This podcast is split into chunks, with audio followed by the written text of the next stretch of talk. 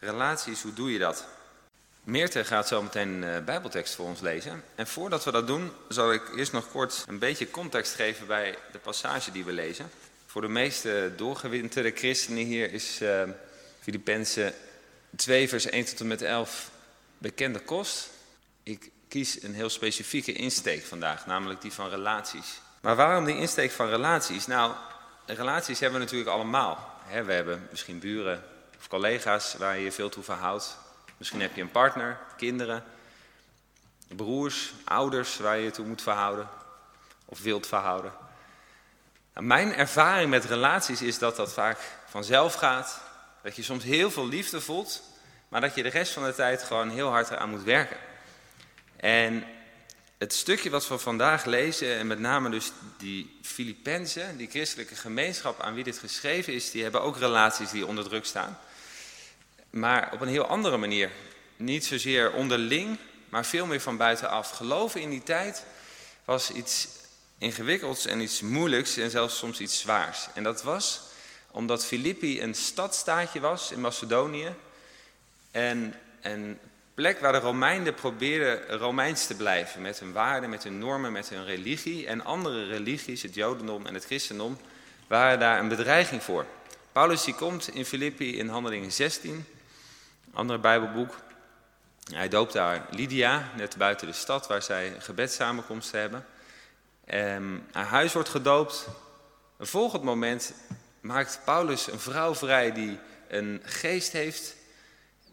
Maar dan keert de menigte zich tegen hem, wordt hij in de gevangenis gegooid, daarvoor nog zonder proces gegezeld. En je ziet maar dat geloven en gelovigen zijn niet eenvoudig was.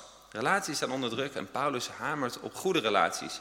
En vandaar dus die vraag die ik stel vanochtend, relaties, hoe doe je dat?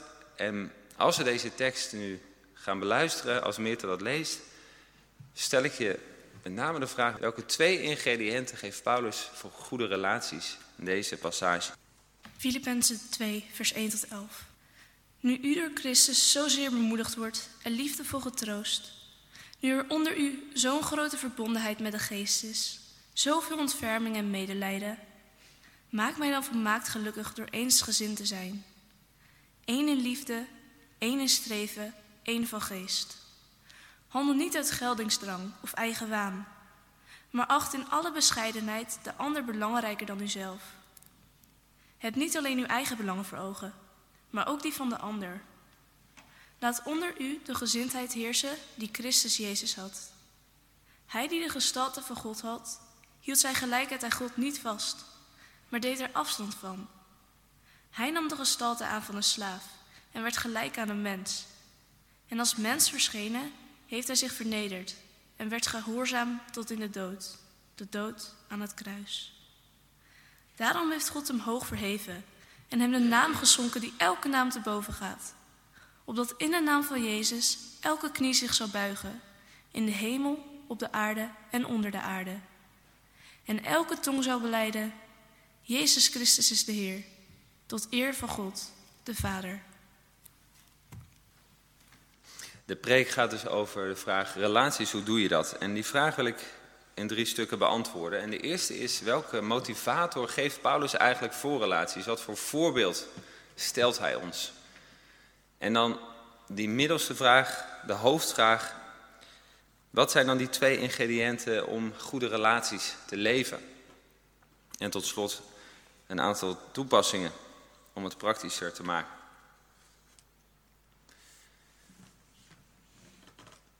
Die eerste vraag, wat motiveert ons om primair als gelovige gemeenschap relaties te onderhouden, maar denk in het algemeen als mensen? Welk voorbeeld stelt Paulus ons hier? Dat voorbeeld lezen we in vers 6 tot en met 11. Eigenlijk is iedere commentator het erover eens dat dit stukje tekst 6 tot en met 11 een lofzang is een lied is wat in de eerste kerk werd gezongen op Jezus Christus. En Paulus die focust op de gezindheid van Jezus in dit lied. En een specifiek stukje gezindheid, namelijk dat Jezus zich niet liet gelden als God. Hij wilde niet tegen iedere prijs vasthouden dat hij God was. Hij hield dat niet als een soort van krampachtige buit vast. Hij hield dus niet aan zijn status vast, aan zijn reputatie, om het maar even zo te zeggen, aan wat andere mensen misschien van je denken, aan zijn macht, aan zijn luister. Nee, hij heeft dat niet beschermd, maar hij heeft dat overgegeven. Hij gaf zichzelf over. Nou, dat Paulus precies dat stukje gezindheid van Jezus uitlicht, dat doet hij om daarmee de gezindheid van die Filippenzen in een soort van contrast te plaatsen met, dat, met die gezindheid van Jezus Christus.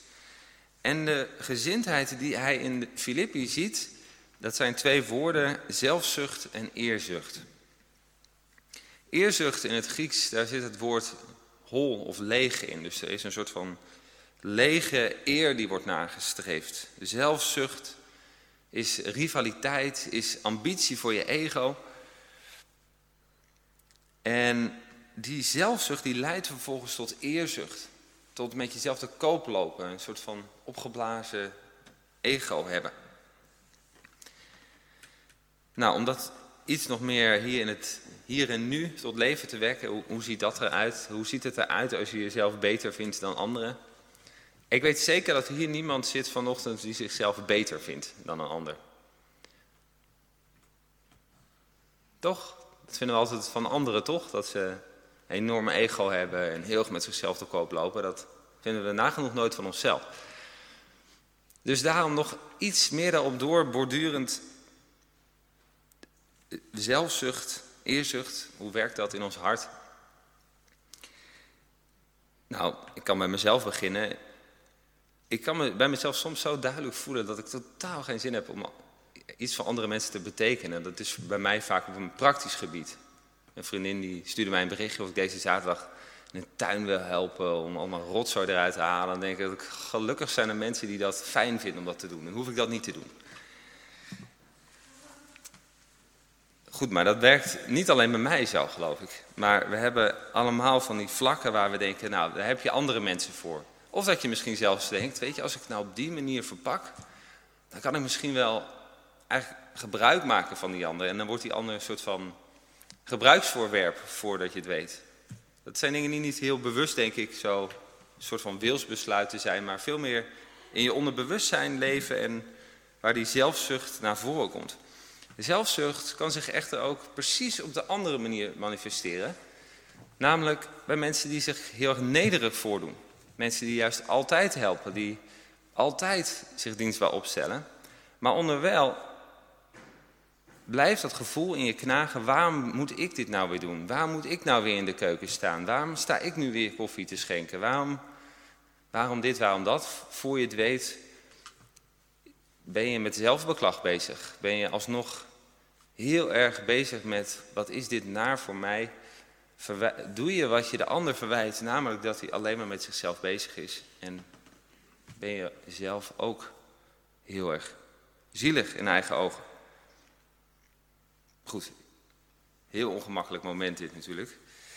Laten we snel teruggaan naar de Filippenzen.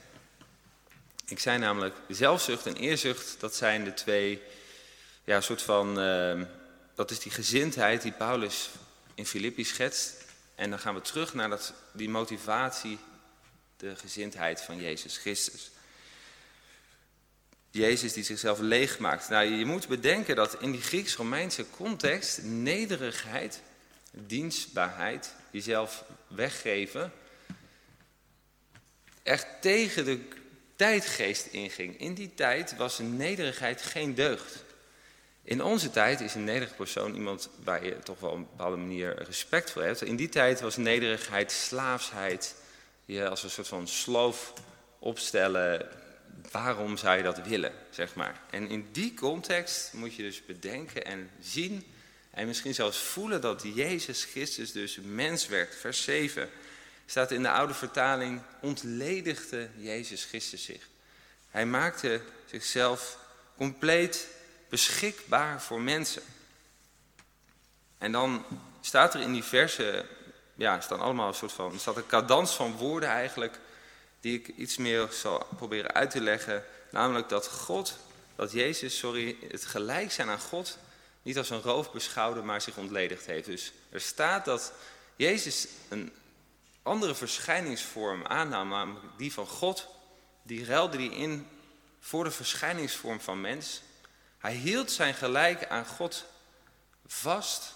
Hij bleef God, maar hij incarneerde. Hij kwam in vlees en bloed en werd mens. Meer nog, hij werd als een slaaf in de macht van mensen. Hij leed, hij werd geslagen, hij werd gedood en hij stierf. Had dat een doel in zichzelf? Was dat een soort van zelfkastijding? Nee. Hij stierf en hij leed en hij ging dood voor jou en voor mij. Hij boete plaatsvervangend voor onze tekortkomingen. En hij deed dat van harte. Als een God-mens ging hij tussen God en mensen instaan. En met zijn hele ziel, zijn gezindheid, daarmee gaf hij zijn leven. Nou is het vandaag hemelvaart.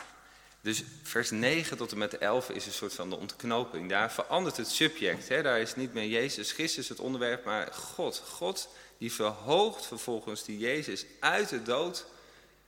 Die zorgt ervoor dat Jezus niet dood blijft, maar tot leven komt. En meer nog, dat hij opgenomen wordt, dat hij aan de rechterhand van God mag zitten. En hier wordt een kausaal verband zichtbaar, een, een regel in het koninkrijk van God. Namelijk dat als je verhoogd wil worden, dat je je eerst nederig zal moeten maken. Dat als je de eerste wil zijn, dat je dan eerst de laatste moet worden. Dat zijn Jezus' woorden zelf. Wil je graag succes hebben en slagen, wil je er graag bij horen, kan je dan eerst de minste worden en jezelf weggeven. In vers 9 staat ook dat Jezus van God deze verhoging als een geschenk krijgt. In het Grieks staat, God geeft gunstig of welwillig die verhoging aan Jezus Christus. Het is dus genade, het is niet een soort van truc in het koninkrijk van God. Als ik maar iets gedaan wil krijgen van de ander, dan ga ik eerst verdienen en dan hoop ik maar dat ik het krijg. Nee, Jezus Christus is uit genade uitermate verhoogd. De hoogste naam in heel de kosmos. Bij de hemelvaart zie je de God-mens Jezus, die door de hemelen gaat, daar eigenlijk door God naar boven wordt getakeld, om het zo maar te zeggen. En dan dat God dan zegt, kom maar naast mij zitten, hier op deze troon. En je zit hier met mij en je regeert.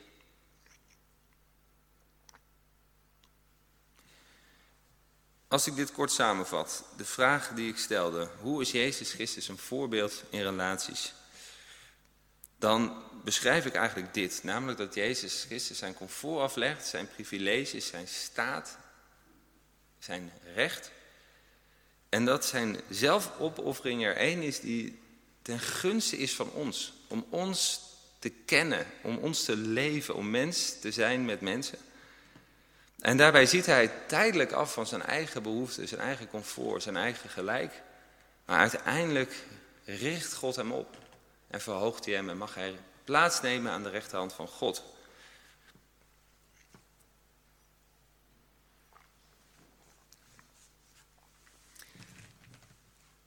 Nou is de volgende vraag natuurlijk, hoe, hoe kunnen we dat in het hier en nu tot leven wekken? Deze woorden die je misschien al heel vaak hebt gehoord, of nog nooit hebt gehoord, maar hoe kunnen ze echt worden vandaag? En dat pas ik dus toe op relaties, hoe wij met elkaar omgaan. En ik geef daar twee ingrediënten voor. In de kern van deze boodschap.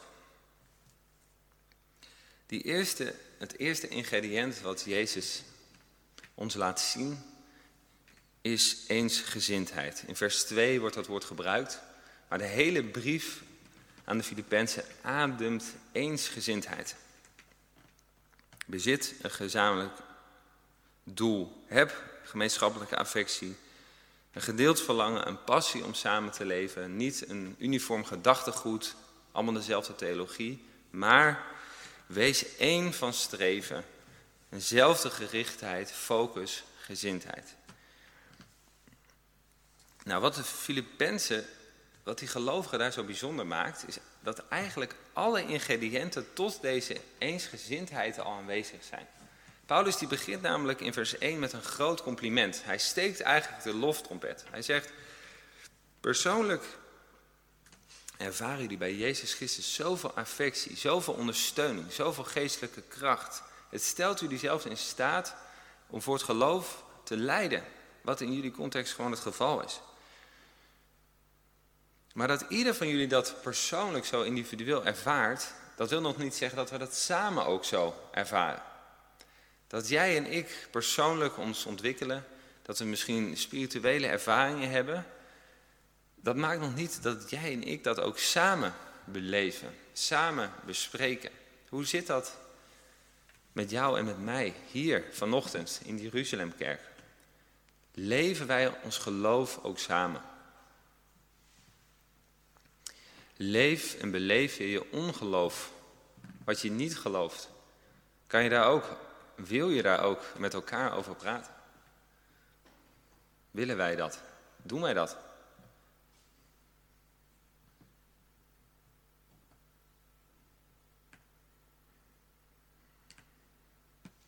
Ik laat even een ongemakkelijke stilte vallen.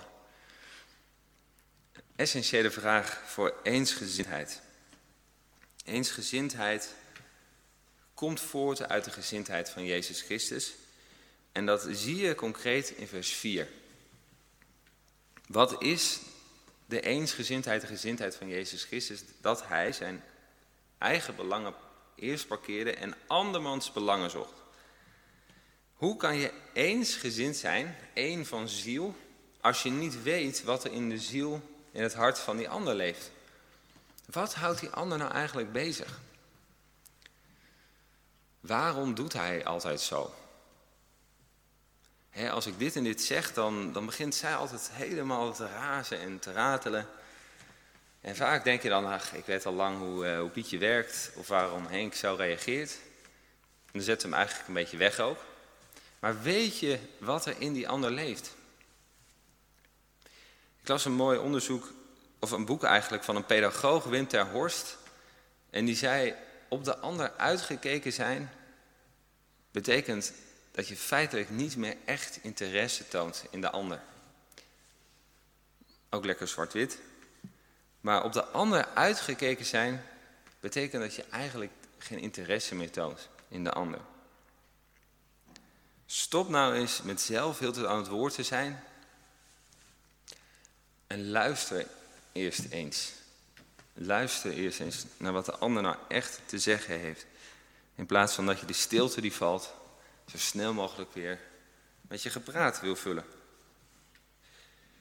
Goed, misschien roept dit de volgende weerstand op, namelijk deze.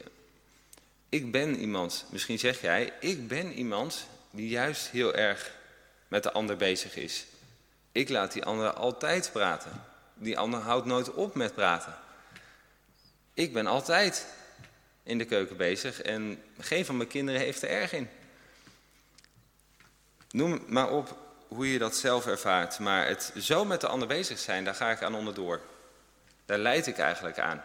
Dat is nou precies het probleem, dat deugdzaamheid, dat nederigheid, in de kerk altijd maar lijkt te gaan op een soort van dienen, dienen, dienen.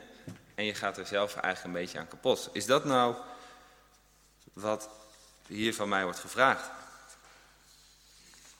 Ik denk dat het antwoord daarop in vers 4 staat. In vers 4 staat het woord ook. Ik heb zelf vaak over het woord ook heen gelezen. De commentaren op deze passage die ik las, die doen, in ieder geval degene die ik heb gelezen, niets met het woord ook. Maar in, het, in vers 4 staat geparafraseerd: Denk aan je eigen belangen en denk ook aan de belangen van een ander. Er staat niet denk alleen aan je eigen belangen, denk alleen aan de belangen van een ander. Er staat denk aan je eigen belangen en ook aan de belangen van een ander. En ik zie hier wederkerigheid in. Dus ik leg me er heel erg op toe om voor die ander er te zijn en die, ik weet dat die ander hetzelfde bij mij doet. Ik zorg voor die ander en die ander zorgt voor mij. Dat is een soort van overeenkomst die je met elkaar hebt gesloten. In ieder geval als je jezelf kerkelijk noemt. Misschien heb je dat nooit gerealiseerd. Nou, als Jezus Christus ons voorbeeld is, dan is het idee dat we beide evenveel commitment hebben om aan elkaar te geven. Is Jezus dan het moment dat hij zichzelf weggeeft, iemand die daaraan onderdoor gaat, als in iemand die altijd maar over zich heen laat lopen, iemand die nooit grenzen aangeeft? Is dat het voorbeeld wat Jezus geeft? Hè? Dat is de weerstand die ik net noemde. Het moment dat Jezus Christus zichzelf geeft en hij gaat lijden en gaat sterven en Gethsemane is, dan weten we dat dat, dat dat een wilsbesluit van hem is. Hij bereidt zich daarvoor. Hij is niet een soort van voetveeg of een sloof die het allemaal over zich heen laat komen. Nee, Jezus kiest er bewust voor. Hij heeft de regie. Hij heeft nog steeds het heft in handen, ook op het moment dat hij de minste is. We praten nog steeds over dat eerste ingrediënt, eensgezindheid. Ik noemde wederkerigheid. En concreet denk ik dus dat eensgezindheid aanpassingsvermogen vraagt van beide kanten. En als ik die beide kanten even zwart-wit benoem, dan zou je kunnen zeggen dat een dominante persoon, dat die moet leren een stapje terug te doen en meer inlevend kan worden. Terwijl een bescheiden persoon juist een stap vooruit kan doen en kan leren verwoorden wat hij of zij echt nodig heeft. Een persoon die graag op de voorgrond staat, die kan zich leren toeleggen op empathie, op luisteren, terwijl een bescheiden persoon zichzelf veel meer kan laten zien. En na vijf keer toch wel eens een keer kan zeggen dat je het gewoon echt niet fijn vindt. Of wat je echt nodig hebt. Dat is mijn uitleg van eensgezindheid. Dan het tweede ingrediënt voor goede relaties. Dat is nederigheid. Nederig, zelf opofferend dienstbetoon gedaan in liefde. Ootmoed is een middel, het ultieme middel naar de gezindheid van Jezus Christus. En dat wordt geconcretiseerd, zei ik al, in hoger achten. In het Grieks staat, zie de ander, de belangen van de ander, als hoger geplaatst. Hoger geplaatst, jongens. We zijn hier in Amsterdam. We zijn hier allemaal gelijk. Vrijheid, gelijkheid. Dat is Amsterdam, dat zijn wij hier. En hier staat, acht het belang van de ander hoger. Hoezo is wat een ander belangrijk vindt hoger of belangrijker dan wat ik nodig heb? Kijk naar Jezus Christus. Kijk naar de hoogste persoon die je kan bedenken. Kijk naar zijn gezindheid. Hij wilde zich niet laten gelden als God. Hij wilde niet over ons regeren. Als er iemand bij hem komt die vraagt, zullen we deze vrouw stenigen omdat ze overspel heeft gepleegd? Dan wil hij niet kwaad met kwaad vergelden. Hij wil niet het recht laten gelden. Hij wil zichzelf dienstbaar opstellen. Die gezindheid maakt dat jij en ik andere mensen gaan zoeken. Dat wij eerst naar die ander kunnen kijken. Dat betekent niet dat als wij eerst het belang van de ander zoeken, dat de ander daarmee ook gelijk heeft. Betekent niet dat wij daarmee minder waardig zijn. Betekent niet dat je daarmee toegeeft dat de ander eigenlijk in zijn recht staat. Jezus, die stierf niet voor ons mensen omdat wij daar op een bepaalde manier een aanspraak op konden doen. Hij stierf niet voor ons omdat wij dat van hem konden claimen. Nee. Het is een geschenk. Het is je eigen recht neerleggen, meer op andermans belang afgaan, omdat je dat persoonlijk ervaren hebt in je relatie met Jezus Christus. Als ik eraan denk dat een God waar ik zo weinig mee bezig ben iedere dag, en de persoon Jezus Christus, die ik zo graag iedere dag weer vergeet, dat hij iedere keer weer blijkt met mij bezig te zijn, mij omarmt, mij liefde geeft. Als dat zijn eerste houding is naar mij toe. Als dat mij van binnenuit transformeert, dan kan ik datzelfde ook gaan navolgen, dat voorbeeld. Nederigheid. Nou, ik kan je wel vertellen dat ik dit voor mij ongeveer het moeilijkste is om echt uit te leven.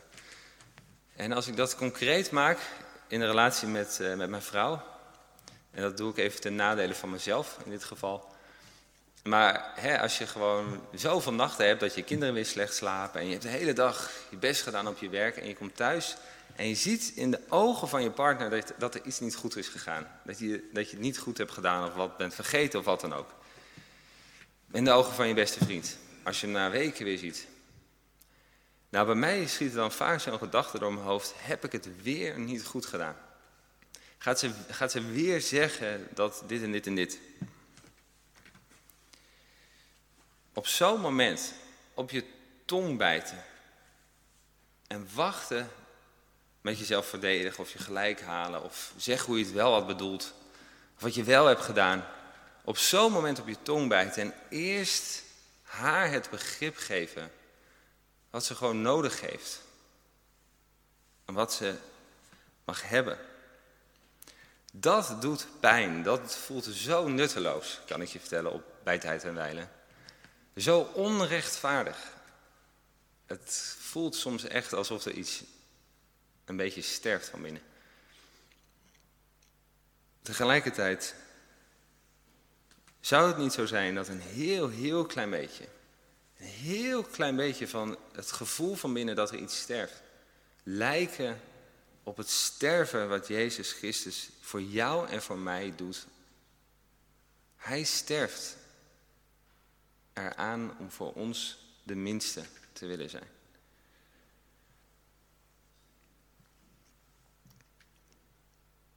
Nog een laatste gedachte over de nederigheid. Namelijk, deze nederigheid is uitgestelde behoeftebevrediging. Het is niet het onderdrukken van je emoties. Het is niet het onderdrukken van je behoeften.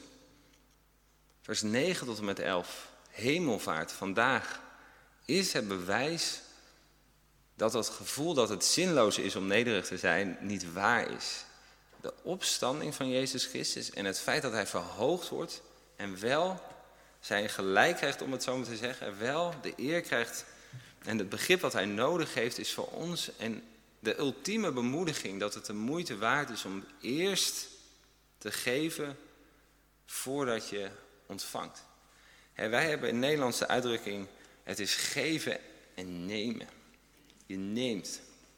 Maar dit is geven en daarna ontvang je. Jezus ontvangt uit genade van God. In het diepst van zijn ziel dat verlangen wat we allemaal hebben, namelijk dat je je gezien voelt. En veel mensen zullen ons nooit geven waar we zo diep naar hunkeren, dat mensen eindelijk begrijpen hoe we het bedoelden, of eindelijk die waardering geven voor al die jaren dat we geploeterd hebben. Maar God zal je verhogen op zijn tijd. Is dat niet een mooie Bijbeltekst uit Jacobus? Verneder je onder de machtige hand van God en hij zal je verhogen op zijn tijd. Vernederen vinden we wel een heel naar woord. Ze hebben een andere vertaling van gemaakt. Maak je nederig onder de machtige hand van God. En ter zijner tijd, dus op zijn tijd, maar God zal je verhogen. Als je die ander de ruimte geeft, je bijt op je tong. Je krijgt die ruimte niet.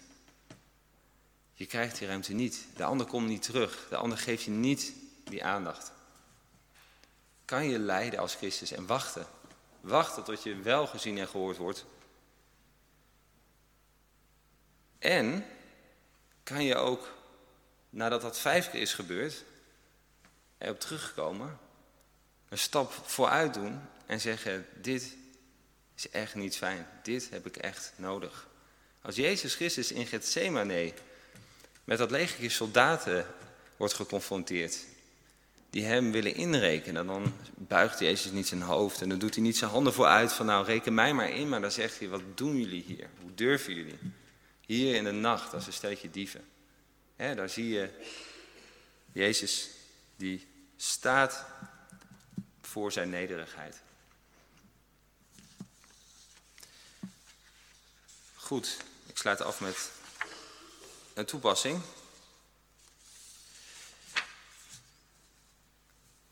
En dat is deze, namelijk hoe kunnen we dit zelf doen in relaties. En ik vond een geweldig mooi interview met um, Katrien Finkenauer, een hoogleraar gedragswetenschappen die drie ingrediënten geeft, of drie factoren voor gelukkige relaties.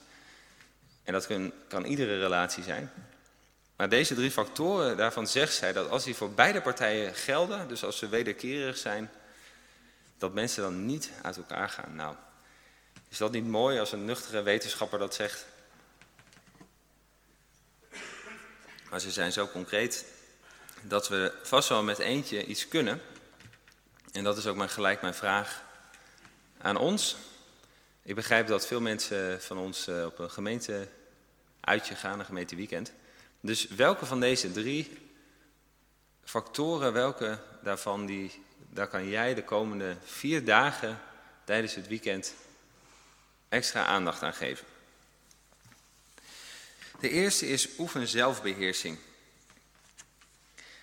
Ik zei al, hè, discipline is uitgestelde behoeftebevrediging. Dus hoe duidelijker je doelen zet, hoe gedrevener je bent om ze te behalen. Maar zelfbeheersing maakt zij concreet. Zelfbeheersing is verklap geen geheimen. Houd je aan je beloften en weersta verleidingen. Misschien gaat deze over jou. Oefen zelfbeheersing dus. Houd je aan je beloften, verklap geen geheimen en weersta verleidingen. De tweede is uit je dankbaarheid. En dankbaarheid uiten zit hem in heel kleine dingen. Wetenschappelijk onderzoek wijst uit dat alleen al hallo tegen iemand zeggen... al zoveel gevoel van je gezien voelen geeft dat het echt uitmaakt. Ik weet nog wel dat ik in mijn tienertijd me had voorgenomen om mijn broer ochtends als ik wakker werd te groeten. Want ik was altijd zo zagrijnig en hij ook. Ik kon het gewoon mijn strot niet uitkrijgen, maar gewoon hallo zeggen, weet je wel. Bits of attention noemen ze dat in het Engels. Dus kleine gebaren van affectie. Even je hand op iemands schouder leggen. Toch weer zeggen dat je het eten lekker vond. Wel die prullenbak leegmaken. Dat is de tweede. Dus oefen zelfbeheersing uit je dankbaarheid. En de derde is toon begrip. Begrip tonen is de allerbelangrijkste, zegt deze mevrouw. Het gevoel, je, het, je begrepen voelen door de ander. Het hoeft dus feitelijk niet eens zo te zijn dat de ander je echt begrijpt. Daar kan je filosofisch natuurlijk heel veel dingen over zeggen. Maar als ik me begrepen voel door jou, nou ja, dan kan je relatie niet meer stuk. Heel ingewikkeld kan ik je zeggen, begrip geven. Maar ik heb daar ook wel een handige voor gevonden. Als zolang het geen trucje is. Maar als jij, als jij iemand iets hoort vertellen. En je pakt het woord eruit waarvan jij denkt dat het het belangrijkste woord is. En je zegt alleen dat woord. Zul je zien dat mensen daardoor eigenlijk verder gaan borduren op dat woord. En merken, hé, hey, je hebt echt geluisterd. En je wil ook echt luisteren naar wat ik zeg. Je parafraseert eigenlijk wat de ander heeft gezegd. Vaak geven wij een samenvatting van wat een ander zegt, van het stukje wat wij het meest interessant vonden. dan willen wij eigenlijk gewoon doorpraten op ons eigen onderwerp. Ik in ieder geval. Maar pak het woord wat de ander, waarvan jij denkt dat de nadruk ligt. Zelfbeheersing, dankbaarheid en begrip tonen. Nou, samengevat, deze, dit hele verhaal, vers 3 en vers 4. Acht de, hoog, de ander hoger dan jezelf. Het belang van de ander hoger achter het, de behoefte van de ander leren zien. Dat bereik je door eensgezindheid en door nederigheid. Dat maakt relaties hier als community sterker. Houd het belang dus van de ander voor ogen, maar vertrouw er ook op dat je zelf gezien zult worden.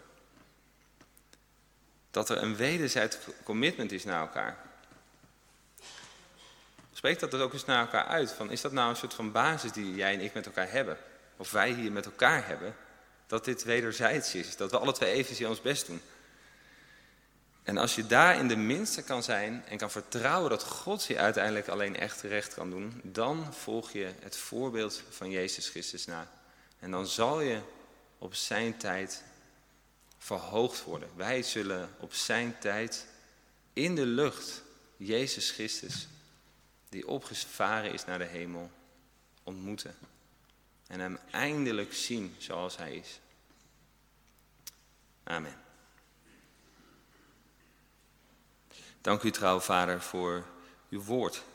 Dank u wel dat uw woord vlees werd, dat u een mens werd, grote God, dat u zich niet hebt laten gelden als God, maar zo nederig werd als een mens, zo klein en zo dienstbaar en tegelijkertijd zo krachtig en zo transformerend, dat wij u bidden dat deze passage ons deze dagen dieper mag transformeren, regenereren. Schep in ons een nieuw hart, een rein hart, wat voorbij onszelf kan kijken. Een hart wat uw stralend aangezicht kan zien en daar zoveel kracht en liefde aan waardering uit kan putten. Dat anderen niet een verlengstuk worden van onszelf of een hulpstuk voor onszelf, maar dat we samen één huisgezin zijn. Mag dat ook dieper ervaren worden, mogen we de moed hebben om een stap terug te doen als we makkelijk ruimte innemen. Of juist onszelf meer te laten zien, wat we nog niet eerder durfden of deden. In Christus Jezus' naam. Amen.